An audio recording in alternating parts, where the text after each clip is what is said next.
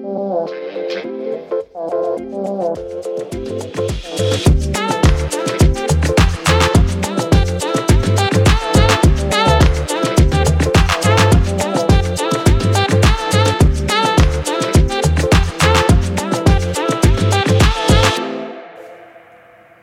lieve luisteraars, welkom weer bij een eh, nieuwe aflevering van Aan de Man brengen. Ehm, we gaan het vandaag hebben over mannelijkheid en vrouwelijkheid. Polariteit, een beetje daar een stukje van. Ja, samen Maar ook met vooral gewoon veel over de vrouw.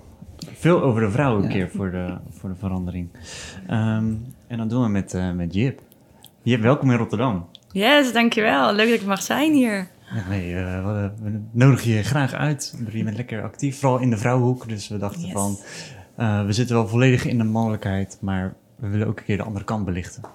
Eh, kleine disclaimer gelijk. Ehm, we hebben het natuurlijk wel over mannelijkheid, vrouwelijkheid, mannenenergie, vrouwelijke energie.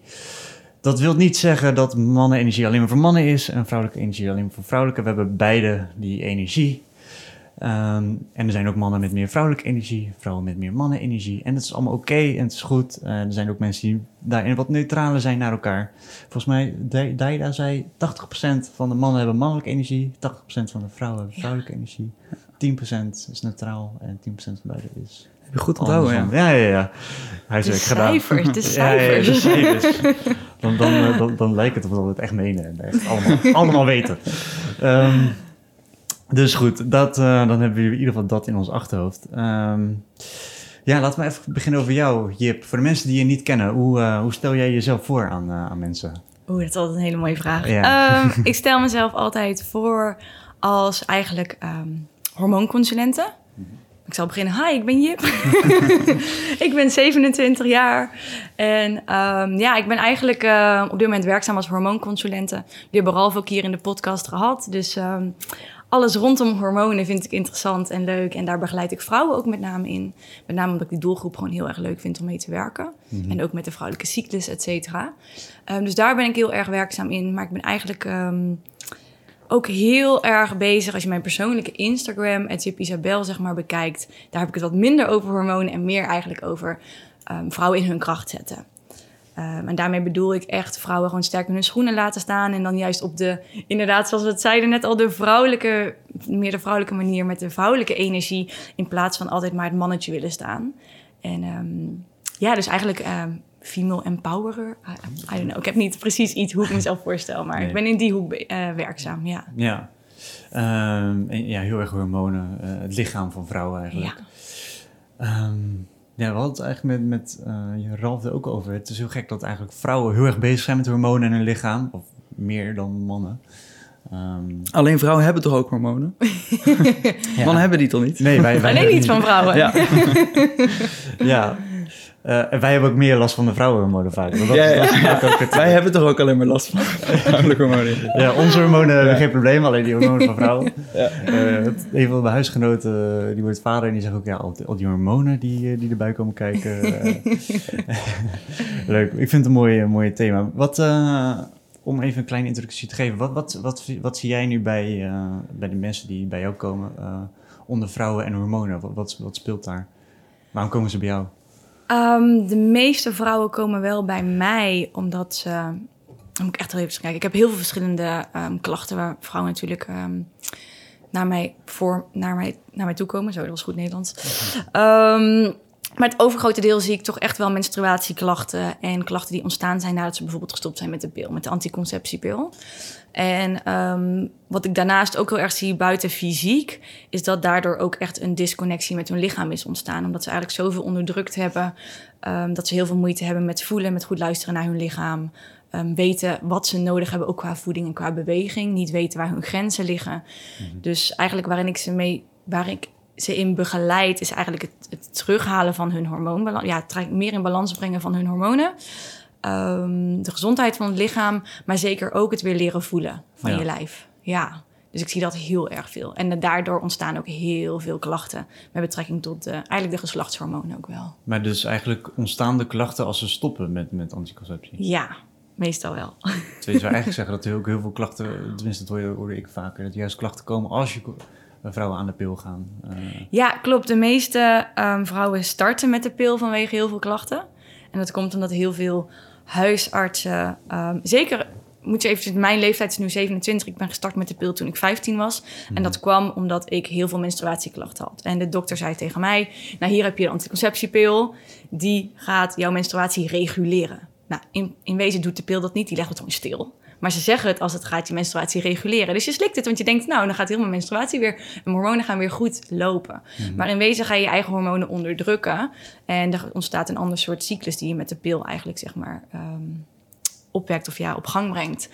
En ehm, omdat je dus heel veel onderdrukt... wanneer je dan stopt met de pil... en dan komt alles wat je onderdrukt hebt... komt eigenlijk als een soort van bal die je onder water hebt gehouden... komt gewoon keihard weer naar boven. Ja. Ehm, dus eigenlijk wat je, wat je doet is symptoombestrijding... en je gaat niet het onderliggende probleem aanpakken. Dus dat is wat ik heel veel zie. Er zijn ook heel veel vrouwen die met de anticonceptiepil starten... vanwege acne bijvoorbeeld. En dan stoppen ze... Ja, dan komt alles terug. En dan alleen maar erger ook gewoon. Omdat... Ja, dan trek je die pleister eraf. Ja, je trekt die er pleister eraf, eh, ja. Dus ja. heel veel doktoren, zeker ook, ehm, ja, voor mij is dat twaalf jaar geleden. Toen wist echt nog niemand iets van hormonen. Of, en nog steeds niet. Sommige doktoren wel, maar heel veel zijn er nog niet echt mee bezig. Ehm, maar ze denken oprecht dat die anticonceptiepil het probleem gaat oplossen. Maar in wezen onderdrukt het gewoon, ja. Ja. En als je kijkt naar die klachten eh, die je net opnoemt, waarom eh, vrouwen eh, bij jou terechtkomen. En als je dan kijkt naar vrouwelijke en mannelijke energie, zie je daar ook al een lijn zitten in, in hormonen. Ik hoor dat je zei van oké, niet, niet zo goed naar je lichaam kunnen luisteren. Ehm, heeft dat ook te maken met vrouwelijke en mannelijke energie? Grotendeels wel, ja. Ehm, er zit een heel lang verhaal achter natuurlijk ook hoe de pil is ontstaan. En eigenlijk is het bijna een soort van als je ehm, volwassen wordt als vrouw, dan ga je aan de pil. Dat is normaal, want dan ben je een volwassen vrouw. Bijna in die trant. En dan ben je een independent vrouw ook. Want dan kun je alles doen wat je wil. Ja. Ehm, de pil is ook eigenlijk ontwikkeld zodat vrouwen niet die hysterische eh, cyclus hebben of hun menstruatie hebben, want dan zijn ze niet reliable zoals ze dat vroeger dachten. Ehm, dus die pil heeft heel veel veranderd voor de vrouw. Dus dat onderdrukt gewoon heel erg het, ehm, het leven met onze cyclus, eigenlijk onze natuur. En het leven naar onze cyclus is onze vrouwelijke energie. Dus meegaan in die flow, waar we nu echt rechtlijn, zeg maar net als mannen, ehm, gestructureerd naar een doel werken. Terwijl vrouwen eigenlijk meer cyclus eh, ja, gebaseerd zijn, kan ik het zo zeggen. Ja. Ehm, dus dat is er sowieso één. Ehm, Bedoel je eigenlijk dat de maatschappij dan eh, helemaal afgestemd is op op de man en dat de vrouwen eigenlijk daarop eh, zijn aangepast? Ja, ja, zeker. Eigenlijk wel. Ehm, en dan wil ik je natuurlijk ook wel een disclaimer in gooien. Van wij zijn de maatschappij, dus we creëren het natuurlijk zelf. Dus we kunnen niet de maatschappij per se zo die stempel opdrukken. En we kunnen het met z'n allen ook weer omgooien. Maar in wezen zijn we zo geprogrammeerd dat dit nu ons normaal is. En ehm, ja, zeker als je gewoon naar alles kijkt, ook voor mannen hoor. Het is niet meer leven met de natuur natuurlijk. Het is gewoon heel erg bezig zijn vanuit ons brein en niet meer vanuit ons lichaam. Ehm, dus dat is gewoon een hele grote die ik daarin zie. Maar tevens wat hier ook heel erg in speelt, is dat ik heel veel vrouwen krijg die zo hoog in hun stress zitten, omdat ze zich aanpassen aan een natuur die eigenlijk niet hun natuur is. Dus in die mannelijke energie. Ehm, constant maar doorgaan, alle ballen hoog proberen te houden, alles zelf willen doen. De I'm the independent woman, I can do everything myself. Ja. Ehm, terwijl dat eigenlijk niet vrouwelijke energie is. Want juist de mannelijke energie is er eigenlijk om ons te supporten en ons staande te houden ook.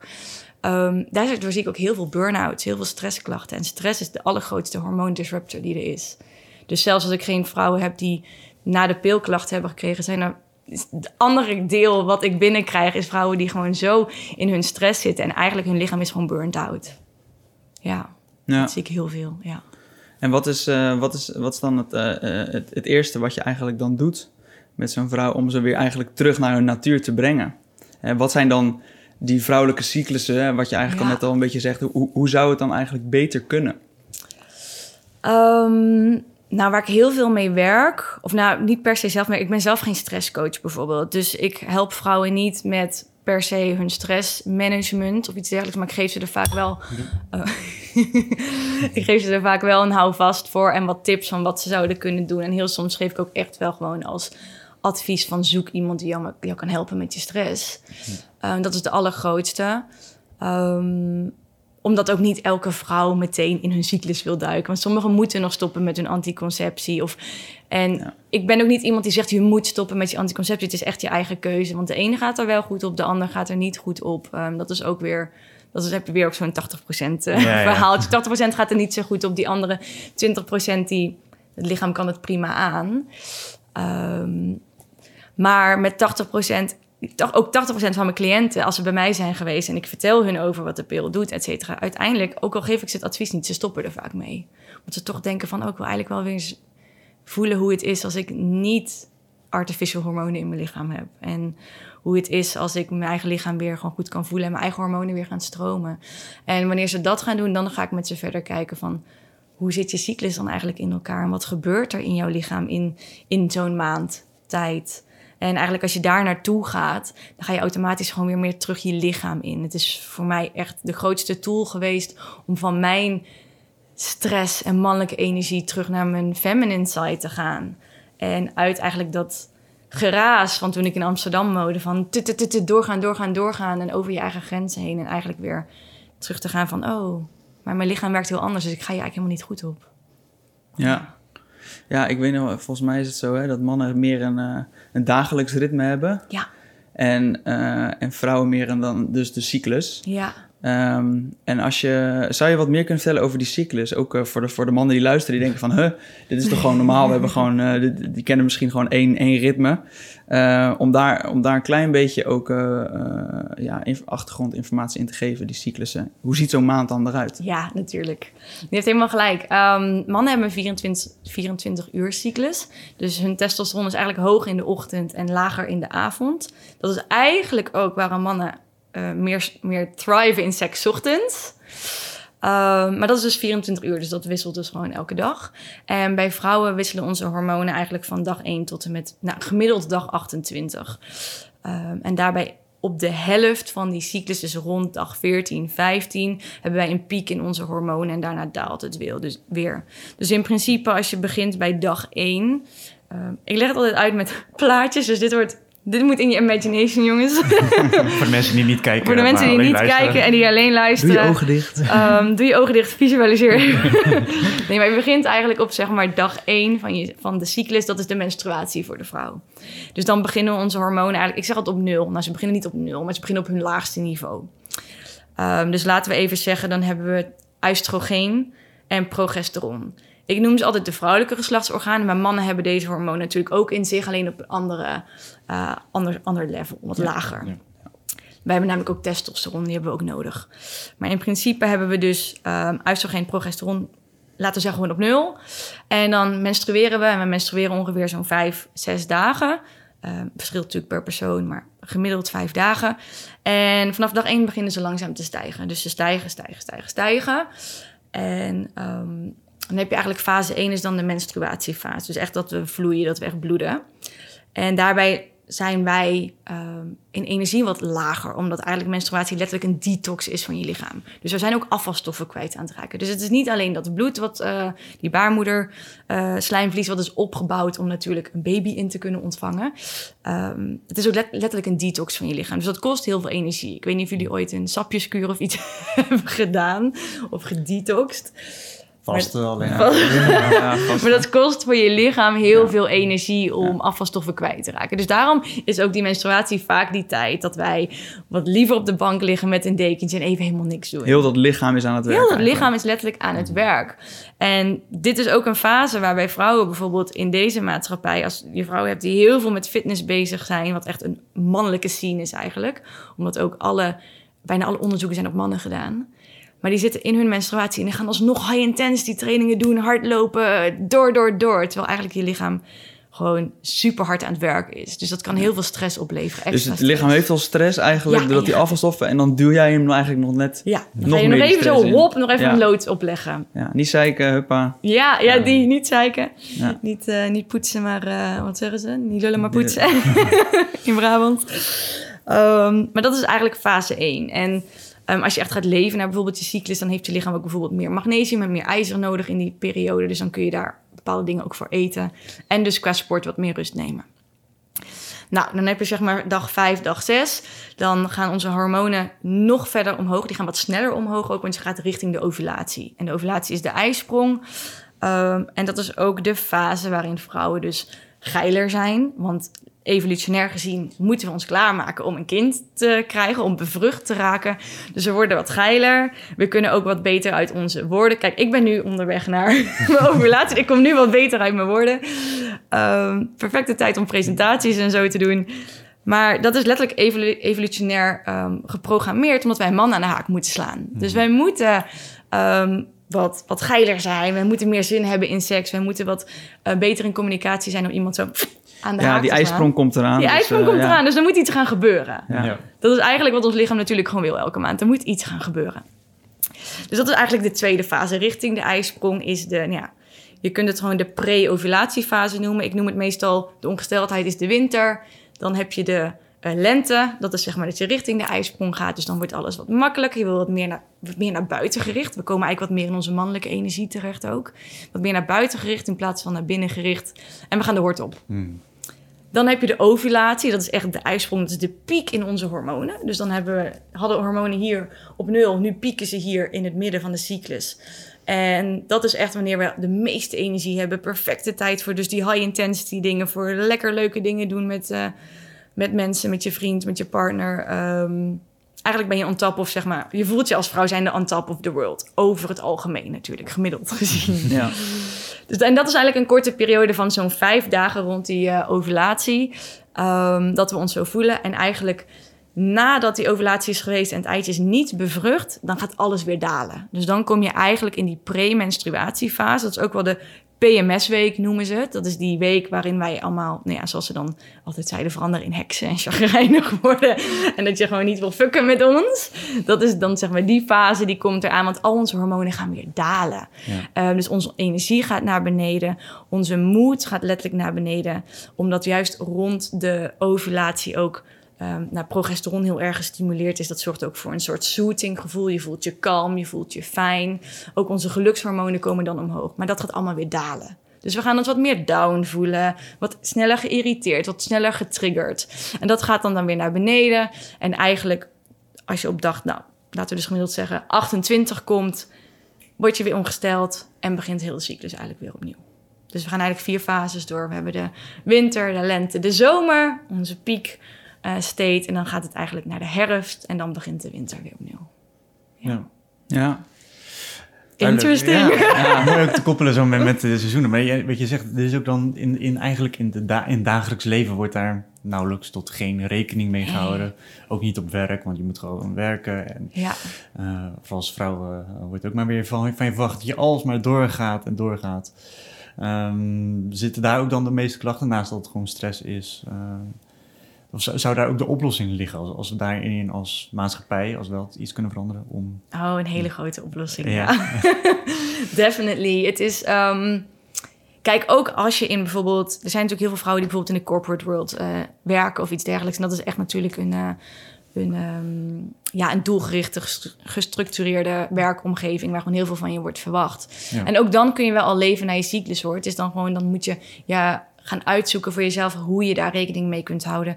Maar als in principe de maatschappij iets meer teruggaat naar van oké, van nature heeft een vrouw een cyclus en we kunnen eigenlijk niet verwachten dat ze altijd op haar piek energie is, ja. um, dan zouden we daar heel veel um, winst bij kunnen halen. Want in die verschillende fases heb je ook fases waarin we juist bijvoorbeeld meer creatief zijn. Heel veel vrouwen zijn in hun menstruatie veel creatiever. Dan zijn ze misschien wat minder naar binnen, wat, wat, wat minder naar buiten gericht. Dus zijn ze misschien niet ideaal voor niet de ideale fase voor uh, presentaties of communicatie. Maar het is juist de fase waarin ze heel goed kunnen brainstormen, bijvoorbeeld.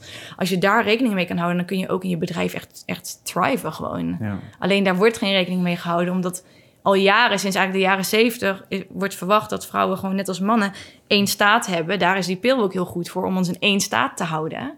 Ja. En daarmee in door te gaan. Ja. ja. je ontkent eigenlijk daarmee natuurlijk ritme. ja. Ja. dus disconnectie met, met de natuur in je eigen lichaam. En, uh, ja, daar komt hij heel erg vandaan. Ja. ja. Ik ben ook wel benieuwd wat, wat tenminste, ik, ik wil heel graag nog een, podcast een keer, uh, ik weet niet of jij, misschien ken jij iemand, of misschien weet je, er wel wat over, wat, wat de pil ook doet met de man en, en die, die verhouding. Want er is ook een soort Eh, normaal was natuurlijk, eh, eh, misschien heeft het ook met feminisme te maken, een soort...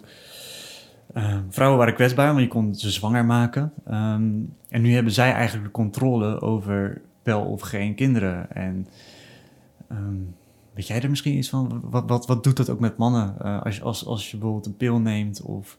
als je, je weet bijvoorbeeld ook als... als ehm, tijdens de ijsprong dat mannen ook vrouwen aantrekkelijker vinden. Dus Ja. daar gebeurt ook wat. Ja. Ehm, Het is heel grappig. Er zijn onderzoeken. Ehm, ik ga zo verder in op je vragen. Maar er Ja. zijn onderzoeken dat vrouwen, als ze aan de pil zetten, zitten, een andere keuze maken qua partner dan als ze dat niet doen. Hm. Dus het is ook een reden waarom heel veel vrouwen, als ze stoppen met de pil, in één keer gaan twijfelen aan met wie ze samen zijn. Voel ik dit eigenlijk nog wel? Omdat je eigenlijk heel jouw eigen gevoel hebt onderdrukt, heel erg sterk. En ehm, wanneer je van de pil afgaat, kom je eigenlijk juist weer meer in je lichaam, weer meer in je gevoel, meer in je vrouwelijke energie. En dan kun je Hmm. meer met die polariteit ook gaan werken. En dan vinden ze eigenlijk heel andere mannen aantrekkelijk. Dus daar zit sowieso iets. ja. En Heel andersom interessant. denk ik ook misschien wel. Dat die Ja, man daarna misschien denkt ook wel, ja. van ja, eh, eh, mijn, vriendin, mijn vriendin is heel anders geworden, nu is ze gestopt. Ja, Ja. Dus dat je met een andere persoon... eh, Kan zeker. Ik denk eh, ook zeker dat het... Ik ken natuurlijk meer die ene kant van het verhaal. Maar het kan zeker denk ik ook andersom werken. Ehm, terugkomend op jouw vraag. en wat het met mannen doet. Ehm, wat ik heel erg merkte toen ik met mijn ex-partner ehm, stopte met anticonceptie. Voor mij was het dan de, de koperspiraal waar ik aan zat. Ik zat al een tijdje niet meer aan de pil. Maar überhaupt stoppen met anticonceptie is dat je een... ehm, je wordt beide verantwoordelijk Hmm. voor het niet zwanger raken, zeg maar. Van wil ik deze keuze? Je moet er beide rekening mee houden. Dus ik denk dat dat voor heel veel mannen ook... Heel veel vrouwen zijn bang om te stoppen met de pil... omdat dat dan een last zou zijn voor de man. Omdat als ik daarmee stop... ehm, dan moeten we condooms gaan gebruiken. Dat wil die niet. Ehm, of misschien soms wel, maar ehm, dan heb ik meer kans om zwanger te raken. En omdat wij heel erg door de pil ook de, de, de verantwoordelijkheid hebben gekregen van wij regelen onze anticonceptie dat we niet zwanger raken. Maar het is natuurlijk een. Ja. Je moet sa- samen bent zijn. beide om- verantwoordelijk. Je bent beide Ja. verantwoordelijk ervoor. Ja. Dus wat ik heel erg merkte toen ik stopte met anticonceptie, is dat we eigenlijk heel mooi samen die verantwoordelijkheid kregen. Dus ehm, op het moment dat wij onveilig seks hadden, was dat niet alleen mijn schuld. Dat was ook die van hem. En we weten allebei wat de consequenties daarvan kunnen zijn. En ehm, ik vond dat een hele mooie ehm, twist eigenlijk in onze relatie. Omdat nu niet alleen maar de verantwoordelijkheid bij mij lag. Dus dat is wel iets wat ik, eh, wat ik heel erg merkte. ja. Ehm, ik weet niet of het antwoord is op je vraag. Nee, ja, nou, trouwens, ja, maar- zeker wel. Wat ik, en ik herken het ook hoor, wat je, wat je, wat je zegt. eh, eh, en die verantwoordelijkheid voelt eng, omdat je, je, kan het ook niet meer loslaten. Ja. Heb ik het idee hoor. Want eh, nou, mijn vriendin is ook wel bezig nu met stoppen met de pil. En eh, we gaan waarschijnlijk spiraal, ja, spiraal gaat ze nemen. Ehm, en toch, ja, we hebben het ook wel eens over gehad van, oké, maar wat als, als er niks is? Je, die verantwoordelijkheid is er wel, maar je mist ook een bepaalde eh, spontaniteit, denk ik af en toe. Van, oké, stel, eh, je- bent ineens ergens en je wil gewoon spontaan seks hebben. En dan, eh, je moet altijd rekening houden met, en je hebt die verantwoordelijkheid en je gaat altijd twee keer nadenken. en dat in mijn beleving, en dat is ook maar een aanname, toch ook wel iets, bepaalde spanning weg. Ehm, ik weet niet hoe jij dat toen ervaren hebt in die relatie. Ehm, begrijp hem heel goed hoor, zeker. Zeker, dat was voor mij ook wel een dingetje. Eh, ik heb best wel een hoge seksdrive voor een vrouw zijnde, zeg maar. Dus ik vind Mhm. ook gewoon veel seks en ook inderdaad dat het gewoon zo kan ontstaan heel erg belangrijk. Ehm, ik ben wel van mening, je kan natuurlijk op meerdere manieren seks hebben. Dus het hoeft niet altijd penetratie te zijn. Dus dat kan wel altijd. En ik ken mijn lichaam bijvoorbeeld heel goed. Ehm, ik heb nu geen anticonceptie. En ik weet wanneer ik ehm, rond mijn vruchtbare dagen zit. En dan heb ik het gewoon veilig met condooms. Maar daarbuiten heb ik het zonder. En ik heb tot nu toe nog altijd... Het zijn nog geen baby's. ik word er elke maand ongesteld. Ehm, want er zijn eigenlijk echt maar een paar dagen dat wij vruchtbaar zijn. Alleen Ja. we zijn zo bang gemaakt daarvoor om daarop te vertrouwen. Uh, tuurlijk, omdat er alleen maar horrorverhalen rondgaan. Maar ja, op internet er gaan altijd alleen maar meer negatieve verhalen rond dan de positieve. Zeker. Um, ik ken mijn lichaam heel erg goed. Dus ik wist wel gewoon eigenlijk negen dagen van de um, 29 in mijn cyclus... Um, kan ik iets minder spontaan zijn. Maar er zijn er nog steeds 20 over. Ja. En daarvan ben ik er vijf ongesteld. Dus hadden er al 15 zijn er over. En um, dus ik kan best wel flink spontaan zijn. En eigenlijk juist op de momenten dat het misschien de penetratie misschien niet handig is omdat je risico loopt om vruchtbaar te zijn en je hebt geen condoom bij de hand. Je kan natuurlijk ook op een heel andere manier nog seks Zeker. ervaren. En ik denk Ja. dat dat heel belangrijk is om dat dan samen te exploren. Ja. Eh, hoe je dan toch nog wel seksueel contact kan hebben zonder dat je bang hoeft te zijn dat er eh, Ja, iets verkeerd gaat. En bang waarvoor. Kijk, het is natuurlijk eh, ook daarin weer, weer loslaten en overgeven. Ja. Ehm, want je wil die carrière maken, je wil nog eens dit doen, je wil nog eens succes behalen voor, voordat je aan kinderen begint. Ja. Die taboe zit er nu denk ik ook meer op. ja, maar ja, het is eigenlijk volgens mij voor de meeste mensen nooit een goede timing wanneer ze kids Nee. krijgen of eraan beginnen. Want Nee. er kan altijd nog wel iets meer of altijd nog wel iets beter. Ja, of die mooie reis maken. Of, ja. Je ja. kan ook heel mooie reizen maken met kleine kinderen. Zeker. ik zie ze heel veel op Instagram. Ja, het, het, het is vooral daarin, denk ik, gewoon eh, zaak om je lichaam heel goed te leren Ja. kennen. En eh, omdat eh, anticonceptie, denk ik, zo normaal is, is, het, eh, is de stap heel groot Ja. om dat te gaan ontdekken, denk ik, voor vrouwen. Ja. Van, eh, want ik weet niet, ja, eh, je stopt met de pil en dan moet je dus, dan, ga, ja, dan leer je jezelf emotioneel misschien al beter kennen. Dan moet je helemaal gaan ontdekken van wat je cyclus is. ja. Dat, dat is een hele grote stap, denk ik. Hele grote, Terwijl als je die maakt, dan valt het eigenlijk wel mee. Alleen het, het voelt heel groot, denk ik. En het, het eerste jaar is lastig. Het is met name eh, wanneer wij stoppen met, zeker met, eh, met de pil, omdat je dus heel lang hormonen zijn. Echt, ik heb vrouwen in mijn praktijk die hebben 15 jaar de pil geslikt.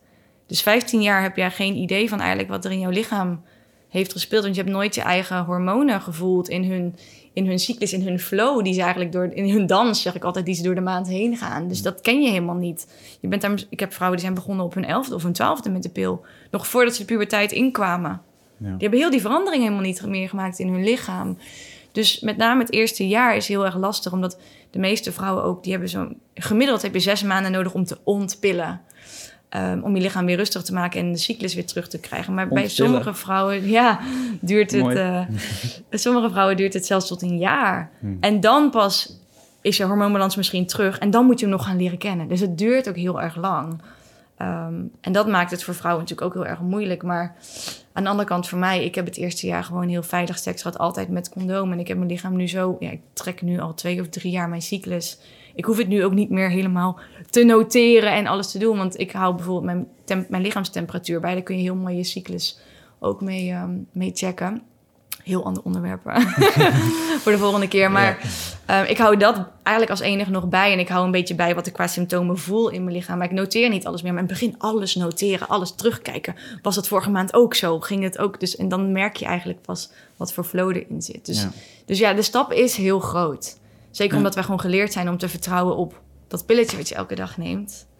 In plaats van op, eh, op iets, een natuurlijke cyclus. En we zijn heel bang gemaakt dat je, bij wijze van de meeste vrouwen denken dat ze gewoon buiten hun menstruatie op elk moment zwanger kunnen raken. Ja. Ja. En die dans, hè? Ik vond het wel mooi. De, de dans, eh, de, de vrouwen dansen de, de maand door. Ja. Hoe, kunnen, hoe zouden de mannen, stel je hebt nu eh, als man eh, heb je een vriendin, hoe zouden de man daar, daar met die dans rekening kunnen eh, houden eigenlijk? Beter dan nu. Chocola kopen, toch? Laat kopen, ja, met. Definitely. Die staat hoog op mijn lijstje. Ehm, het verschilt een beetje per persoon. Ehm, ik denk als eerste is het überhaupt inderdaad gewoon al dat bewustzijn dat er bij vrouwen dus zo'n hele, hele dans plaatsvindt in de, in de maand en zo'n ehm, zo'n shift eigenlijk. Dat dat al de eerste is. Hierin komen we denk ik ook meteen een beetje in die mannelijke en vrouwelijke energie, in de rol van man en de rol van vrouwen. Ik denk dat het voor vrouwen heel belangrijk is om te uiten wat er gebeurt tijdens hun cyclus. Want als jij niet uit wat er gebeurt, want bij elke vrouw is het dus ook anders. Ik kan een. ehm, mijn herfst, dus zeg maar de, de, de aanloop tot mijn menstruatie, is best wel kort. Maar ik heb ook vrouwen die zitten twee weken lang in die PMS-week. En dat kan heel heavy zijn als je je heel down voelt en heel snel geïrriteerd raakt en eh, heel weinig energie hebt. Het verschilt heel erg. Maar ik denk dat het heel belangrijk is dat je ook communiceert wat er gebeurt in je lichaam naar de man zijnde. Want ook als we gaan kijken naar mannelijke energie, het enige wat eigenlijk de masculine wil, is iets om naar te luisteren te hebben. En ehm, dus voor, voor de man is het belangrijk om dan ook present te zijn en te luisteren. Wat er gebeurt. Maar voor de vrouw is het heel belangrijk om het ook te communiceren. Want wat wij vrouwen heel vaak denken is dat met een beetje wat hints hier en daar... dat de man begrijpt wat we bedoelen, maar dat werkt meestal niet. Uh, of de vrouw probeert het zelf ook nog te onderdrukken. Maar, of ze, ze hebben helemaal geen kennis. Hè? Of ze, ze zitten nog ja. niet... Ze, zitten nog, ze, ze denken nog, oh, ik voel me gewoon zo, ik voel me zo. En ze linken dat nog niet per Nee, se precies. omdat die stap zo groot is. Ja, dat, dat ook zeker. Ehm, dus ik denk dat dat ook wel weer een wisselwerking is. Maar voor mannen is het met name luisteren naar ehm, wat, de vrouw, wat de vrouw op dat moment zelf nodig heeft. En ehm, als je weet hoe de cyclus een beetje in elkaar zit, zoals ik net in het begin al zei, dat de menstruatie dus best wel heavy kan zijn op vrouwen, omdat het heel veel energie kost. dat je er ook gewoon bent en er gewoon staat. En ehm, wanneer zij hulp nodig heeft, dat je gewoon step up your game, zeg maar. En dat op het moment dat ze juist wat meer energie hebben en meer naar buiten, ehm, naar buiten keren, dat je ook ehm, ja, met die energie eigenlijk meebeweegt en meegaat. En eh, de vrouw dan ook meeneemt en, en, en dan juist leuke dingen gaat doen en gewoon weet van oké, maar er gaat ook weer een periode komen dat ze misschien wat minder graag naar buiten wil en dat je dan juist lekker met haar op de bank kruipt en dat dat ook goed is. Ik denk dat als je daar al rekening mee houdt, zeg maar op mentaal gebied, dat je dan echt al heel ver komt als man zijnde. Ja, gewoon Dus die in- chocola kopen, wanneer Ja, we er zin ja. Eindelijk, toch, toch die chocola. Toch die chocola. Ja. Nou ja, die, die communicatie dus. En ik denk ook dat eh, het, het, het is wel apart, hè. Want als, je dus, als, de man, als de man dus daadwerkelijk ziet wat er gaande is in die vrouw... dan zijn natuurlijk ook grapjes die worden gemaakt. Van, eh haha, zit je in die periode of haha, zie je dat wel. Ehm, ja, dat helpt niet per se, denk ik, om, eh, om, om, eh, om die verbinding te aan te gaan. Eh, uiteindelijk heb je jezelf mee. jezelf ook? Dat je Nee, nee, nee, nee, nee, nee. Nog heb ik nooit gedaan. Nee. Oh, die, als een, als een vrouw een keer boos is of hysterisch, ben je ongesteld of zo? Ja, dat is, Oeh, maar, dat, is maar, dat pijnlijk. zegt, maar, dat zegt, nee, maar dat zegt ook best wel heel veel hoe, hoe de, hoe de, ja, wat het beeld is daarvan. Hè? Ja. Dat het eigenlijk dus niet zo heel erg serieus wordt genomen. Nee, ja. Ja. ja. en dat vrouwen, dat is ook waarom...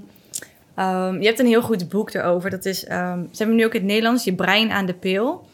Ehm, wat eigenlijk heel erg uitlegt waar, waar ook in het begin de geschiedenis, zeg maar, hoe de pil is ontstaan ook. En waarom zoveel vrouwen hem ook gebruiken. Is vrouwen mochten vroeger letterlijk niet werken of geen hoge functies hebben omdat zij één keer per maand hysterisch waren. Het werd ook echt hysterisch, als hysterisch Ja. gezien. En dan waren ze niet betrouwbaar. Dus zij mochten geen functies hebben als leidinggevende functies. Want één week in de maand waren zij niet betrouwbaar. En dat is voor vrouwen natuurlijk ook heel heavy om te horen. Want dat is ons, onze natuur is wel ehm, met die cyclus meegaan. En, en vrouwelijke energie is eigenlijk chaos. En als vrouw zijnde moet je je ook eigenlijk volledig kunnen overgeven aan die chaos die we zijn. En in wezen mannen, eigenlijk mannelijke energie, die, ehm, die zijn eigenlijk de safe haven. En die, ja, ik wil niet zeggen moeten, ehm, maar ik zeg het wel, moeten het kunnen ontvangen. Ja. Dus die moet eigenlijk zo sterk staan. Ja, je moet Ehm, volgroeid zijn. Je moet ja, zelf ook, ja de mannen dus je moet een mature zijn. one zijn. Ja. Ja. je moet volwassen worden daarin. Want als je nog steeds in je, in je, eigenlijk je puberteit zeg maar, zit... Of, of, je, of je kind zijn, dan kun je die, die... Dan is dat te overwhelming. Dan kun je dat niet aan, die chaos van een vrouw. Want vrouwelijke energie is heel groot. Ja. Maar zeker ook in die tijd, in de jaren 50, in de jaren 60... mannelijke energie was toen natuurlijk ook heel anders. Mannen stonden heel anders overal in. En zeker jaren 70, toen die emancipatie kwam... mannen werden echt, eh, gingen meer in hun vrouwelijke energie... En, Ehm, gingen vrouwen geven wat ze dachten dat vrouwen wilden. Alleen ze waren dus niet sterk. Dus dan is zo'n... Ja, die hysterie, wat ze Ja. dan noemen, is dan heel groot. En Voelt heel onveilig. veel. Ja. onveilig. Dus Ja. dat willen we niet. Dus dat moeten we onderdrukken. Dus dat is ook een heel groot... De pil is daar ook een heel groot onderdeel van. van want dan kunnen vrouwen dat onderdrukken. En dan kunnen, kunnen we ze meer onder controle houden. Ja, ik Ja. vind het ook mooi, vooral, vooral die hysterie die, die je noemt van vrouwen, of die chaos van vrouwen. Ehm, dat eigenlijk het mannelijke energie, en, en daarin worden we nu wel een beetje, er wordt vaker afgehaald, want mannen moeten kwetsbaar zijn. En die moeten ook Mhm. zwaar emotioneel, ja, tuurlijk, dat moet kunnen. Maar eigenlijk moet een man een soort, ja, of gebouw, eh, een berg misschien wel zijn, die, die eigenlijk staat.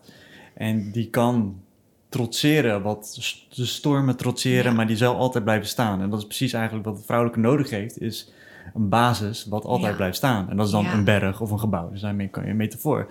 Dus een berg, dat beweegt niet. En dat staat in stormen, in tijden van chaos, zal een berg zal nooit van zijn plek afkomen. En mannelijke energie staat voor die berg, want dat is ook een punt omhoog, want dat eh, ja, eh, vaak welke film was het nou? Uh, volgens mij Da Vinci Code. Of, uh, daarin zeggen ze ook duidelijk, uh, de punt omhoog is eigenlijk, staat voor, voor het mannelijke. Symbool van de man, ja. En het vrouwelijke is eigenlijk de vee. De kelk. De kelk, ja. de heilige graal. Ja. Um, wat ook weer vaak staat voor het water. ja. een mooie vergelijking. Dan vind ik het mooi dat je zegt dat juist die, die berg, de stabiliteit van een man, dat dan een vrouw of het vrouwelijke energie dat nodig heeft om, om ja, om daarop te kunnen leunen en dat, dat, dat te kunnen staan. Dus een man moet dat ook aankunnen. Uh, ja. extreem vrouwelijke energie moet een man aankunnen.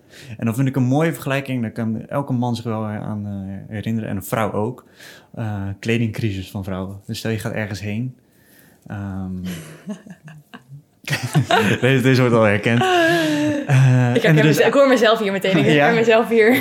outfit stress. Dus wij mannen hebben misschien één outfit en hey, dat is prima, want dat is dat we aantrekken. En hey, uh, maar vrouwen die, die kunnen uur voor, voor, de spiegel staan. En op het moment dat we eigenlijk nog buiten staan, kan de vrouw nog in de hoofd omgaan van shit, of misschien had ik dat aan moeten doen. Of misschien wil ik dit aan. Of misschien was dit beter geweest. Oh, dat is die chaos. En dat is die chaos waar, waar een man tegen moet kunnen. Uh, en ook moet kunnen observeren. Uh, en dat is denk ik wel een mooie vergelijking. Omdat je die mannelijke vrouwelijke energie, ja. dat, dat, dat te kunnen... Ja, gewoon er met, ermee te zijn. Zelfs mijn microfoon valt er van naar beneden. Ja, ermee te zijn, ja. Die vrouwelijke chaos was dat, hoor. Ja, ja, ja. ja. Het grappig, ik ga gelijk even door op die... Um, die kledingcrisis, hè?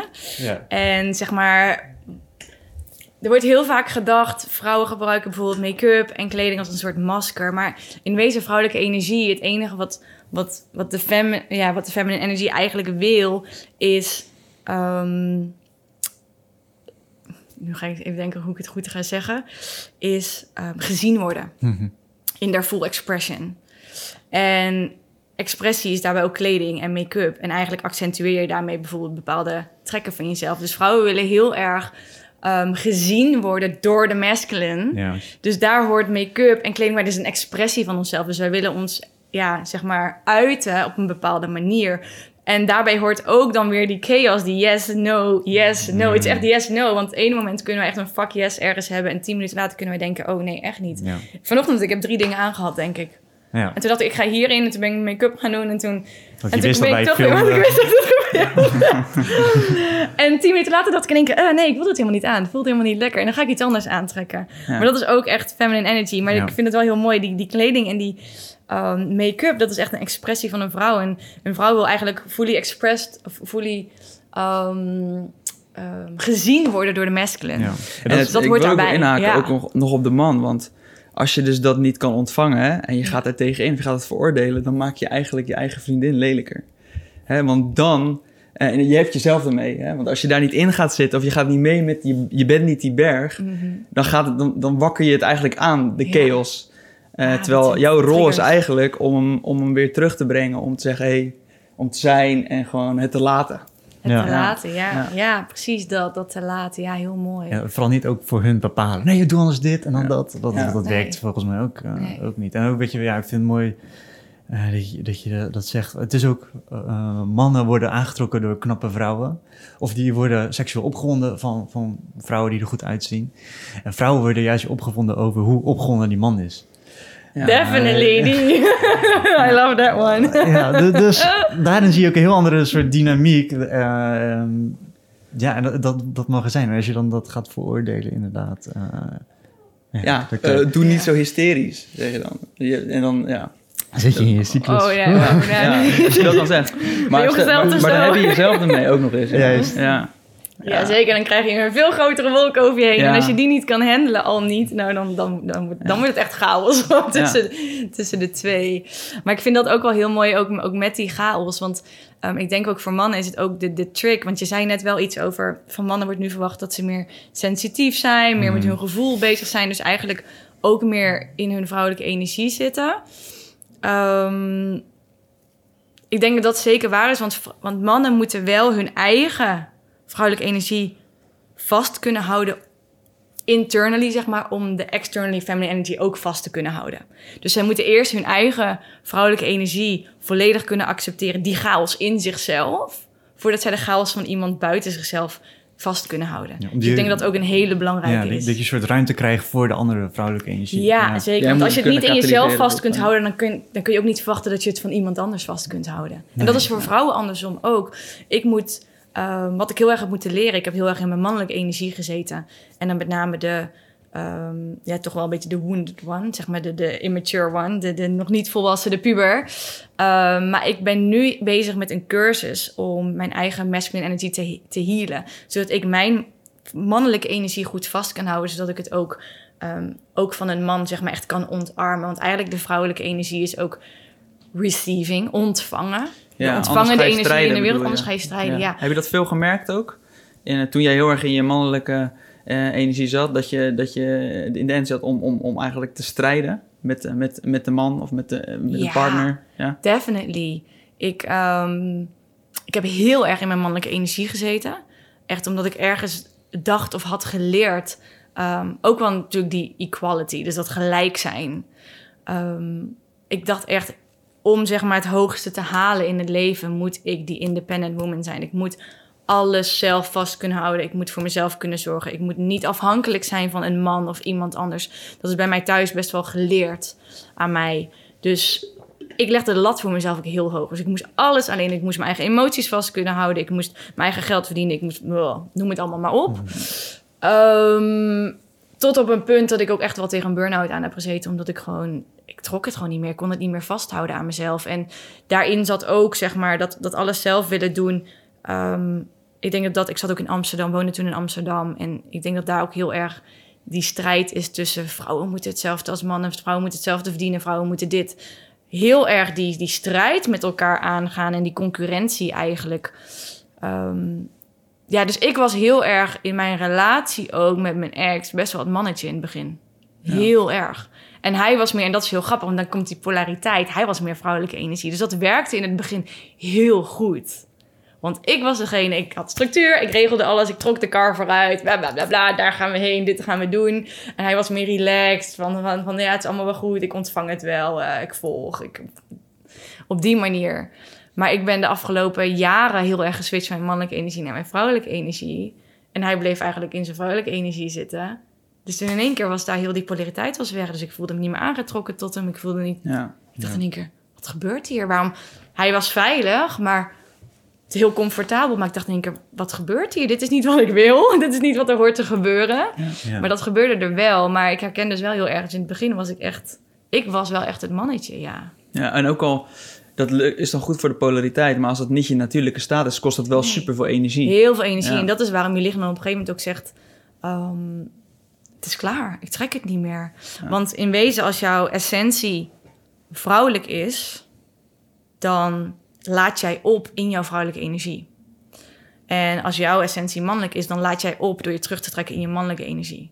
Ja. Maar ik zat constant in mijn mannelijke energie... en ik wist niet hoe ik naar die vrouwelijke energie ging... om weer, zeg maar, op te laden... om mezelf gewoon weer die energie te geven... en klaar te staan, ja, die zelfcare klaar te staan voor mezelf. Dus ja, mijn lichaam, letterlijk mijn mind en mijn lichaam, die waren gewoon echt richting die burn-out aan het gaan. Want ik dacht, je laat niet op. Je zit alleen maar in een energie die niet je essentie is. Ja. Ja. Hoe kwam je daarachter? Want misschien dacht je toen de tijd van, oh, zo ben ik gewoon. Ik, ben, eh, ik, eh, ik hou van structuur, ik wil dit, dit, dit is gewoon hoe ik ben. En nu kom je er eigenlijk achter van, hé, hey, eh, ja, misschien is dat niet helemaal de waarheid. Nee, klopt. Het was voor mij ook echt een, een wereld die open ging toen ik over vrouwelijke energie leerde. Ehm, want ik dacht altijd, vrouwelijke energie... Ik was wel heel vrouwelijk. Ik droeg hakken, ik droeg graag jurkjes. Ik was wel heel vrouwelijk. Maar alsnog was ik dan zeg maar de, het, ja, de stoere chick. Dus ik was nog wel zeg maar Ja. dat mannetje in, in, in, een, in, in een wel heel vrouwelijk lichaam. Ehm, en uitingen. Maar ik zat echt in die energie. En ehm, hoe ik heb geleerd om te switchen is... Ik kwam er eigenlijk op toen ik een boek las. En ik weet, ik weet zo niet meer welk, welk boek het was. Maar ergens... Ik was heel erg met persoonlijke ontwikkeling bezig en mindset. En op een gegeven moment las ik iets over vrouwelijke energie. En leven naar je cyclus. Zo ben ik ook echt helemaal begonnen een paar jaar geleden. En toen dacht ik in één keer, oh, dit vind ik interessant. Dit vind ik interessant. Terug meer, meer mijn lichaam ingaan. Meer mijn lichaam ingaan. En toen ben ik eigenlijk een beetje mijn cyclus in de gaten gaan houden. En eigenlijk daarna gaan leven. En toen pas begon ik te ervaren wat het doet als ik me dus overgeef aan mijn natuur. Dus zo heb ik eigenlijk de vrouwelijke energie leren kennen. Maar ook echt niet alleen leren kennen zeg maar, op papier, maar echt leren ervaren in mezelf. En toen dacht ik in één keer van, hmm, misschien vind ik het wel helemaal niet fijn om constant in die, in die, ja, in die rush te zitten, in die, uh, in die mannelijke energie. Ja, en die, in die onnatuurlijke stress die je eigenlijk jezelf uh, ja, indeelt dan. Ja, maar echt. Ja. Dus, en, en natuurlijk, je hebt beide nodig, zoals je in het begin al zei, die disclaimer. We hebben allebei die energie in onszelf. En ik bedoel, als ik alleen maar in mijn vrouwelijke energie zou zitten, dan zou er echt, dan zou, dan zou alles chaos zijn. dan, zou ik, dan zou ik niet weten, dan zou mijn bedrijf niet zo lopen als het nu loopt. Want ik Ja. heb die structuur nodig af en toe. En ik moet af en toe die peper in mijn reet gooien van, ja, nu ga je dit even doen. En Ja. je hebt een bepaald doel waar je heen wilt, dus dan heb ik hem echt nodig. Ehm, maar ik kan wel heel makkelijk nu ehm, meer switchen naar mijn vrouwelijke energie als ik weet, nu kan het. Ja. En dan kan ik echt meer rust creëren. En dat merk je ook. Kijk, nu als ik in zo'n podcast zit, dan zit ik echt wel in mijn mannelijke energie. En dan ga ik... Maar als jij aan het praten bent, dan zak ik gelijk... Dan rustig. dan zak ik gelijk in mijn vrouwelijke... Om te ontvangen wat je, wat je me geeft. En daar dat weer te kunnen verteren eigenlijk. En dan kan ik weer... Dus het is een constante dans ook dit weer. Ja, en, en- en ik, ik denk dat ook nu wel het gevaar is dat juist veel vrouwen eh, in die mannelijke energie blijven, ook thuiskomen in die relatie. Ja. En dan dat het daar op een gegeven moment gaat botsen. Ehm, kan jij dat niet beter ook overgeven in, in de relatie? Want vaak zit daar ook alweer, als je, als je het hebt over overgeven als vrouw, van hoezo moet de man alles... eh, ja, ehm, overgave is zo'n dingetje. ja, terwijl het juist heel iets moois is. Het is echt, het is echt iets fantastisch moois. En ehm, het geldt ook voor de man trouwens, want de man mag zichzelf ook wel wat meer overgeven aan zeg maar, de vrouw. Maar met overgave zit, daar hangt natuurlijk heel erg onder controle kwijtraken. Mhm. En ik heb een eetstoornis gehad en een heel groot deel daarin speelde was controle houden over iets. Want ik heb in een hele toxische relatie gezeten een paar jaar geleden. Dat is niet mijn recente ex, maar daarvoor. Ehm, waarin hij, dat was echt typisch heel veel mannelijke energie wat hij was, maar de immature one. En ik werd daardoor gedwongen eigenlijk in mijn vrouwelijke energie, maar ik was ook nog niet de volwassen versie daarvan. Ehm, dus dat was heel erg overwhelming voor mij. En nadat dat uitging, ben ik dus echt geswitcht. Want ik dacht, ik wil dat niet meer. Want ik raakte echt de controle kwijt. Het was iemand, eh, er was echt een narcistische jongen die eh, mij mentaal echt, echt mishandelde, zeg maar.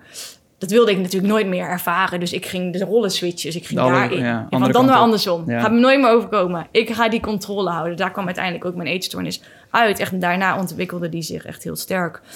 Um, dus die controle is echt een ding wat daaronder zit. Maar wanneer jij in een... En dit is natuurlijk wel belangrijk. Je moet wel in een, een veilige omgeving zijn om je te kunnen overgeven. Want eh, je gaat je nooit kunnen overgeven in een, in een omgeving waar jij je niet veilig voelt. Waar je je niet gezien of niet gehoord voelt.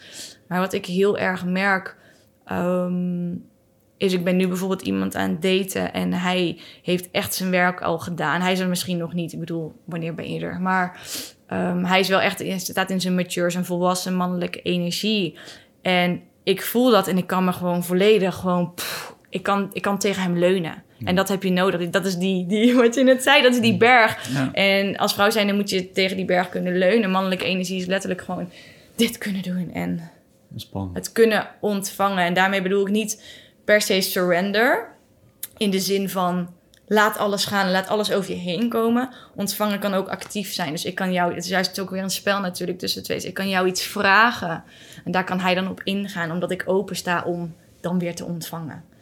En ehm, daarin is natuurlijk wel echt dat controle laten, is echt een, eh, loslaten, is echt een heel ding. Ik denk dat voor heel veel mensen een, een, ehm, ja, een, een, een ding is waar ze gewoon echt werk, aan moeten gaan werken. Om dat durven los te laten en durven te vertrouwen dat niet alles uit elkaar valt als je je overgeeft aan iets of aan iemand. Ja. Ja. Dus eh, mannen helpen een, een, berg, eh, een stevige berg te worden. En vrouwen eigenlijk eh, ze aan die berg durven over te geven. Ja. Ja. Zowel mannen en vrouwen moeten daar Ja, definitely. eh, aan werken. Ja. Het is ook, ja, want, want nu in, in... Wat je nu vaak hoort is dat de meeste mannen zijn toxisch. Dus mannen zijn slecht, eh, gevaarlijk. ehm, of er zijn slechte ervaringen. Vaak hebben vrouwen ook wel een slechte ervaring met een man, Ja. wat je, wat je noemt. Ja. Dus dan opnieuw kunnen overgeven aan een man. Ja, dat is Heel moeilijk. moeilijk, gevaarlijk, Ja. spannend. Dat vergt werk. Ja. Been there, done that. Ehm, je moet wel even door wat demonen heen, ja, zeg Ja. maar. En ook door patronen heen die je misschien al wel van jongs af aan hebt geleerd van je vader, bijvoorbeeld. Ehm, dat is nu ook iets. Ik ben dus een cursus aan het doen. Ik ben, he- ik ben helemaal geen expert in het, ehm, ehm, in zeg maar de, de, de gezonde mannelijke energie en de, en, de, en de ongezonde, als je het eventjes zo wil noemen, en de gezonde vrouwelijke energie en de ongezonde. Daar ben ik nu echt heel erg veel juist over aan het leren ook en in mezelf ook aan het voelen. Ehm, waar zitten er gewoon nog dingen? Nu toevallig, gisteren heb ik nog een van de lectures gekeken over eh, de, de, de father wound. Hmm. Dus echt de, de wond die je eigenlijk van je vader hebt gekregen. Onbewust natuurlijk. Ik bedoel, ehm, ik kan niet zeggen dat mijn vader... Ik, heb een heel, ik ben heel goed eh, opgegroeid, heb hele fijne ouders. Maar hij heeft natuurlijk ook weer dingen meegekregen. En hij geeft weer dingen mee, ook onbewust. Dus je, er, er kunnen altijd trauma's en dingen zitten. En ehm, ja, ik denk gewoon dat het heel belangrijk is, ook voor vrouwen, om daar doorheen te gaan en te leren van waar komen bepaalde ideeën en angsten vandaan. Ehm komt dat omdat ik als vrouw zijnde werd afgewezen door mijn vader, of omdat ik mijn vrouwelijkheid juist heel erg ehm, geaccepteerd werd, maar daarvoor moest ik wel altijd de smiley one zijn of Mhm. de, de, de, de pretty one, zeg maar. Dus daar kunnen ook heel veel dingen zitten. Dus Zeker ik denk weten. echt voor, voor mannen en voor vrouwen allebei, je moet gewoon ja, je werk doen als jij ehm, echt, echt, echt heel graag in die, in die gezonde energieën terecht wil komen. Ja, en zoek ook iemand die dus... eh, eh, die ook dus zijn werk heeft gedaan eigenlijk. Ja, En ik ben wel benieuwd van, oké, je noemt net van eh, degene die je date, die, die zit in zijn volwassen eh, mannelijkheid. Ik ben dan benieuwd waar jij dat aan herkent. Waar herken ik dat aan? Ehm, he got me. Het is echt heel erg. ehm, ik heb altijd, en ik denk dat. ehm luisteren trouwens ook vrouwen naar deze podcast? Ja, denk ik wel veel. toch? Best wel veel, Ja, ja. ja. Hey ladies, Ja. hier ben ik. Nee. ik denk dat als vrouwen dit horen, dan gaan ze deze herkennen. De- dit heeft ook een beetje met die chaos te maken. Ik heb altijd het gevoel gehad dat ik te veel was. Dat ik, ehm, vrouwelijke energie is ook in wezen, ehm, they want more love. Willen, ze willen eigenlijk bijna versmelten met iemand. Ze willen altijd Ze meer, zijn het meer ook, hè? Ze liefde. zijn liefde in Ze principe. zijn liefde Ja. en ze willen meer. Ze willen meer. Ze willen één worden met iemand. Ze willen eigenlijk bij wijze, bij wijze gewoon echt gewoon Ja. één worden. En dat kan heel heavy zijn voor mannen, maar daarvoor moeten ze sterk staan en ze moeten gewoon weten van ehm, ehm, dat kan ik aan en dat is oké en het is niet dat ze er niet voor wegrennen. Dus wat ik heel erg vaak heb gemerkt in dating ehm, is dat als ik ook maar iets van naar buiten bracht van ik heb gevoelens voor je, weg waren ze. Weet je wel, want wow, nee, dit gaan we niet doen. Dat is, dat is te veel. Dat, is, dat, dat kunnen ze niet aan. Ehm, dus ik heb heel erg in, in de jaren geleerd om mezelf kleiner te houden. Letterlijk to shrink myself. Ehm, minder te zijn, minder uitbundig, maar ook minder in gevoel. Dus minder delen. Dus ik heb, ik, wat bij mij een heel groot ding nu is, waar ik nog steeds gewoon aan moet werken, is dat ik ehm, diepe gevoelens, die durf ik vaak niet te uiten. Omdat dat zo vaak is afgekapt of mensen zijn weggerend. Dat ik denk van, mijn gevoel is te veel voor mensen. Dus laat het er maar niet zijn. En wat ik heel erg merk is dat hij kan dat aan. Ik kan Hmm. letterlijk alles tegen hem zeggen wat ik wil. En hij... ehm, Je kan het dragen. hij kan het dragen. Dus hij is echt wel die rots, zeg maar, of die berg, ehm, die dat aan kan. En niet meteen denkt van, hier moet ik iets mee doen. Ja. Nee, dat is helemaal niet. Het mag er gewoon zijn en hij ontvangt het. En, en dan, dan is het oké. Ja. En, en dat ook met, met, met andere momenten. Bijvoorbeeld voordat ik hierheen kwam, ik, ehm, hij stuurde me van succes vandaag bij die podcast. En ik stuurde hem van, ja, ik vind het eigenlijk wel spannend. Want ik heb altijd ergens het gevoel van, ik weet hier misschien niet genoeg van. Ik heb, d- Dat is wel ook nog een ding in mij hoor. Ik heb altijd het gevoel van, ik ben geen expert. Ik weet hier niet genoeg van. Straks stellen ze me vragen en weet ik het antwoord niet. Die. En het enige wat hij zei was, you got this. Mm. En ehm, je weet voldoende. Je weet op dit moment wat... wat ehm, alles wat je nu deelt is jouw waarheid op dit moment. En je hoeft niet alles te weten. Niemand weet alles. You Ja. got this. Punt. Dus hij luisterde gewoon. En hij gaf Ja. mij zeg maar precies wat ik nodig had. En normaliter zou ik nooit tegen iemand zeggen... zo van, oh, ik vind het echt heel erg spannend. Want ik, want ik vind, ja, straks weet ik niet genoeg. En dat is een, een onzekerheid in mij. Dat zou ik met iemand anders die ik aan deed... was nooit gedeeld hebben. Nee. Maar ik weet dat hij gewoon weet hoe dat moet ontvangen. Dus dat is voor mij een heel groot ding in... Hij kan, hier heb je ontvangen ook weer. Hij weet Ja. hoe hij dat moet ontvangen. Ja. En hij kan het vasthouden. En hij hoeft er niet per se zelf... Hij hoeft het niet op te lossen. Nee, dat hè. Dat, Dat, is, hè, hij dat hoeft is het niet ja. op te lossen. Hij houdt het gewoon voor me vast. En hij geeft me, hij geeft me wel nog eventjes die... you got this. Maar, eh, Ja, en ik herken dat zeker ook eh, eh, inderdaad, dat oplossingsgerichte, dat is natuurlijk mannelijke energie. mhm. En dat had ik vroeger heel erg. Dus ook als eh vroeger relaties, als iemand een probleem had, dan had ik altijd honderd oplossingen. Ehm, en met mijn huidige relatie, eh, ik ben ook veel meer mijn vrouwelijke kant aan het aankijken, eh, leren ontvangen en, en het zien. Ehm, waarbij, nou, ze hebben het laatst nog wel gewoon benoemd, van als zij ergens mee zit, dan zit ik, luister ik en dan ontvang ik het. Ja. Zonder ergens het te, te proberen te fixen. Hé, jij voelt je rot, dit en dit en dit moet je doen.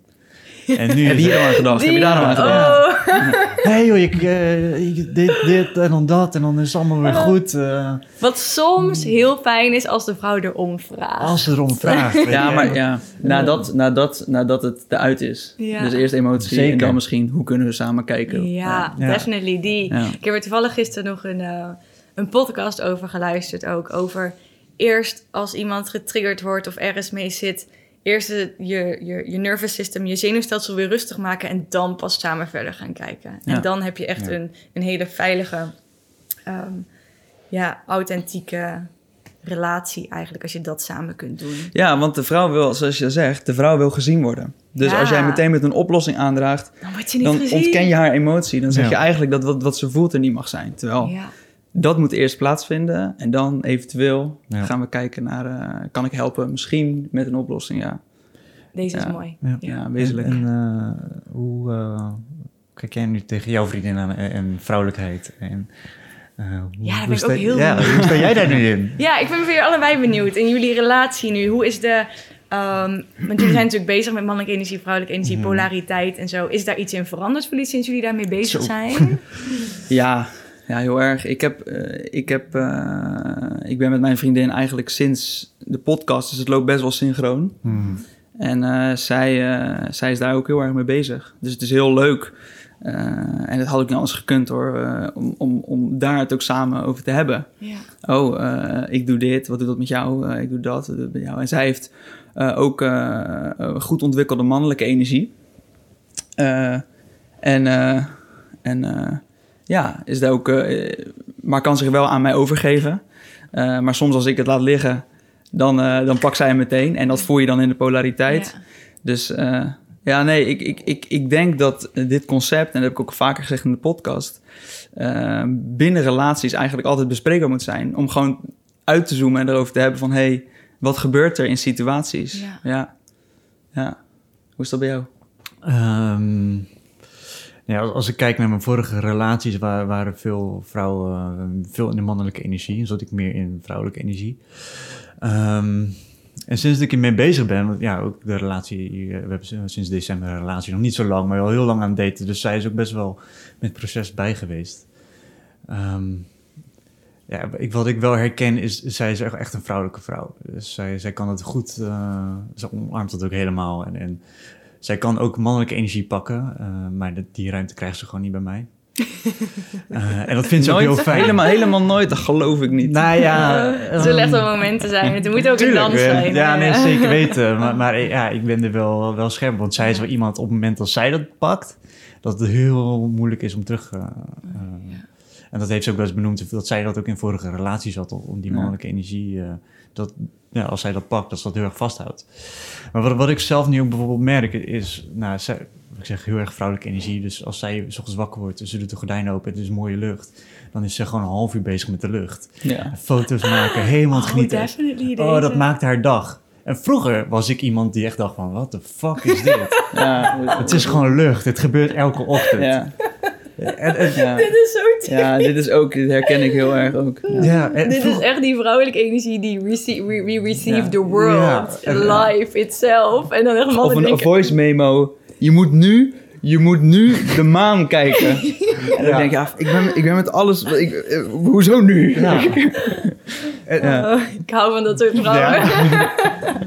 Maar dan ook zijn ze posten heel, heel vaak foto's ervan op Instagram. Die staat ook allemaal vol met bloemen, lucht. En vroeger had ik daar denk ik wel echt meer een oordeel op. En nu kan ik er echt naar kijken van, oké, wauw, ik kan hier echt nog wat van leren om daar ook even een keer bij stil te staan. Dus, dus een keer te observeren van wat er is en Ja. dat Ja. te, te zien. En Mooi. Ja. ja, dat, dat is voor mij ook wel weer een les. En ehm, ja, daar kijk ik anders naar. Daar leer ik ook van. Dus, dus die polariteit, dat... dat eh, misschien in het begin dacht ik van, oké, je moet heel erg mannelijk worden. En dan, nu dan, oké, dat soort momenten eh, accepteren ook van wat er is. En dat er laten zijn. Ja, En dat kan ook pas als je met je eigen, eh, en dat is ook wezenlijk natuurlijk, dat je als, als je als man ook met je vrouwelijke energie gaat werken.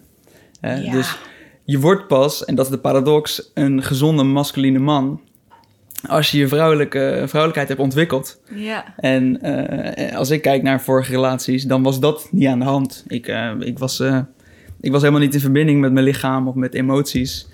Laat staan dus die vrouw begrijpen. Want als je jezelf je eigen emoties niet kan Nee, voelen, hoe ga je dan precies. ooit de ander voelen? Ja. Eh, dus dat is inderdaad, de- dat is ook heel belangrijk. Dus als man ook die, die vrouwelijke energie ontwikkelen, ja. En ook begrijpen dat vrouwelijke energie niet begrepen hoeft te worden. Ja, Want je hoort natuurlijk heel vaak dat mannen zeggen... Ja, eh, sowieso zeggen dat... het- Wat is het? eh, mannen komen van Mars en vrouwen komen van Venus. En eh, vrouwen zijn niet te begrijpen. et cetera, et cetera. Maar vrouwelijke energie is die chaos. Dus je, we begrijpen onszelf de helft van de tijd niet. Omdat dus als wij ehm, naar ons hart leven... en eigenlijk is mannelijke energie... ehm, trouw zijn aan je woord. Vrouwelijke energie is trouw zijn aan je hart. En ons hart kan dus elke tien minuten iets anders zeggen. Dan kan yes, no, yes, no. Dus wij kunnen ehm, bij wijze van... kan ik met een, een man op de bank liggen... en op dat moment voel ik echt, ik wil seks. Tien minuten later kan dat weg zijn. En dan moet ik ook echt true zijn aan dat gevoel. Aan die no die er dan aankomt. En dan tien minuten later, of misschien vijf minuten... kan het in één keer weer een ja zijn. Dus vrouwen doen dit. Dus we, je moet als man zijn ook begrijpen dat vrouwen niet te begrijpen zijn. Want onze energie fluctueert zo erg. En we proberen te luisteren naar ons gevoel. En gevoel verandert gewoon heel snel. ja, En bij mannen is dat gewoon wat minder.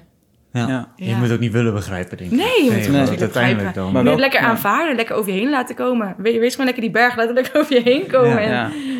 eh, daar kun je ook, ja, geniet daar ook van. Ja. Zeker weten. Ja, alleen, ja, alleen als je niet kan voelen, Nee. dat is het meer. Ja, het is, Ja. Het is, het is wel van oké, eh, je wilt het gevoel niet kunnen, kunnen begrijpen, maar eh, er zijn natuurlijk mannen, als je vraagt van hoe voel je je, eh, dan krijg je eigenlijk alleen maar misschien ik heb honger. Eh, Ja, dat- ja. moet poepen. Ja, ja. ja. Laat de basis, staan, eh, Ja, ja. laat staan het gevoel. gevoel te laten zijn. Ja. Ja, ja. ja. Ja, en dan, en dan meestal kennen ze wel blij en boos. Blij en boos, ja, die twee. Die twee. En dan, en dan daartussenin. Zeker ook omdat heel veel natuurlijk vaak onderdrukt wordt. Want mannen horen niet. Een soort van, ja... Hoe, hoe zei iemand nou het laatst in, in een podcast? ehm, de vrouwelijke emoties tussen haakjes, zeg maar, te ervaren. Want dat was niet, is niet mannelijk. Er wordt in ieder geval deze maatschappij niet als mannelijk gezien. Hmm, Dus verdriet en dergelijke wordt natuurlijk heel erg onderdrukt. ja. Terwijl juist dat voelen... Ja, maar da- daarin Ja. zit, kijk, er zit nog wel verschil. En dat vind ik altijd wel gevaarlijk als je het hebt over kwetsbaarheid. Uh, Ja. Het kan ook een ding worden natuurlijk.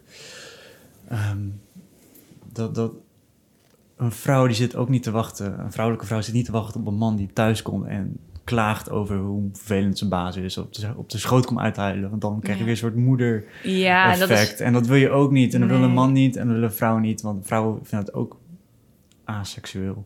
Ja, Ehm. ja want dan, dan heb je echt het, eh, het, eh, de mannelijke energie in de kinderschoenen. Ja, Die Ja. bij hun moeder nog moeten uithuilen. ja. En op En- zoek zijn naar hun moeder in een relatie. En dan, Ja. ja. Ja. En dat betekent inderdaad niet dat je je je gevoelens niet meer mag tonen Nee. of onderdrukken, maar staan met je gevoelens als die berg. Ja. Van hé, hey, sorry, ik voel me nu gewoon even kut, want Ja. en dit is gebeurd. eh, dus daar zit ook nog wel een soort... soort ja, ik denk dat hierin ook heel belangrijk is wat we net zeiden. Dus dat je het ook zelf vast kunt houden. Ja. Ja. Dus dat je eigenlijk niet de ander, en dat geldt voor de vrouw ook. In wezen heb je de ander niet nodig om door dat gevoel heen te gaan en jezelf staande te houden in dat gevoel. Maar diegene, ehm, die, kan er, die kan er in wezen wel zijn voor je als het nodig is. Ja. Dus wat je zegt als je thuis komt om in de schoot uit te huilen. In wezen moeten ze eigenlijk ehm, dat zelf vast kunnen houden, maar ze moeten wel gewoon kunnen delen. Dit speelt er nu wel in mij. En dan als er dan bijvoorbeeld nog een wave komt als een soort van golf. En ik, ik ben nu in, de cursus van eh, Sophie Josephina aan het volgen. Ik weet niet of jullie haar kennen. Ja, ze komt binnenkort ook in de podcast. Ja, dat dacht ik. Ik wilde al zeggen, dus zij is een hele goede voor jullie hierover. Want ik ben dus een cursus van haar aan het volgen. Zeg ik van, je moet niet, je moet jezelf staande kunnen houden, zodat je niet verdrinkt in dat gevoel. Eh, maar dat je eigenlijk als een soort golven eh, door je heen kunt laten gaan, zodat je het ook kunt verwerken. Je kunt het voelen, je kunt het daardoor ook verwerken. En ik denk dat het belangrijk is voor mannen ehm, zowel mannen als vrouwen, om dat te kunnen doen. En dat er wel eh, ruimte is om dan bijvoorbeeld zo'n golf, dat iemand er wel is voor je wanneer het naar boven komt. Maar Ja. je moet het wel zelf eerst vast kunnen houden. Ja. Ja. ja, het kunnen delen, maar niet dus eh, eigenlijk willen dat de ander het voor je oplost. Precies, ja. Ja. ja. Mooi. Mooi. Ja. Heb jij nog een vraag? Ik, eh, ik denk dat we wel echt eh, eh, ja, alles hebben belicht wat we, Ja. wat we van tevoren hadden gedacht. Ik denk dat er heel veel mooie dingen, Ja. ik Ja. denk heel veel lightbulbs gaan komen. Ja, ik denk dat we makkelijk nog een paar uur vol kunnen praten. Waar kunnen mensen jou volgende vinden? keer. Ja, zeker. Ehm, je kan me vinden op Instagram, @jipisabel. ja. Ehm, zakelijk voor hormoondingen is het de krachtige vrouw. En heb ik ook een website www.dekrachtigevrouw.com. Eh, maar met name alles gericht op eh, persoonlijke ontwikkeling, vrouwelijke energie is echt op mijn Mhm. persoonlijke Instagram. Ja. wel, ja. En eh, als laatste vraag die we eigenlijk altijd stellen, ehm, misschien niet voor man en vrouw. Want normaal vragen we altijd, wat zou je de, laat, de hedendaagse man nog mee willen geven of aan de man willen brengen? Maar misschien nu ook voor vrouwen, want het is wel een beetje gericht voor vrouwen ook dit. Wat zou jij nog aan de man willen brengen? Als laatste tip, concrete tip. Oeh, ehm, concrete tip. Ja. Je maakt Maak het steeds moeilijk moeilijker. Ja. En, en binnen eh 45 seconden. Ja. Eén zin, drie Zo mag woorden. ik niet even tien minuten over nadenken. Ehm, even kijken, wat zou ik de man mee willen geven? Ehm, ja, met na, ja we, hebben het gewoon, we hebben het gewoon echt al, al benoemd. Maar met name ehm, zorg dat je je eigen vrouwelijke energie leert kennen. Ehm, zodat je het inderdaad ook leert vasthouden. En zodat je ook, wanneer een vrouw in haar volledige vrouwelijke energie zit, die chaos kan zijn, die letterlijk destructive kan zijn, ehm, dat je die ook aan kan en niet, dat je niet door overweldigd raakt. Ik denk dat dat wel toch wel de grootste is uit deze hele podcast, Mooi. deze hele aflevering. Ja. Ah. Dankjewel, Ja. dankjewel dat je naar Rotterdam wilde komen. En voor de Hier, vrouwen dus andersom. Ja. Super.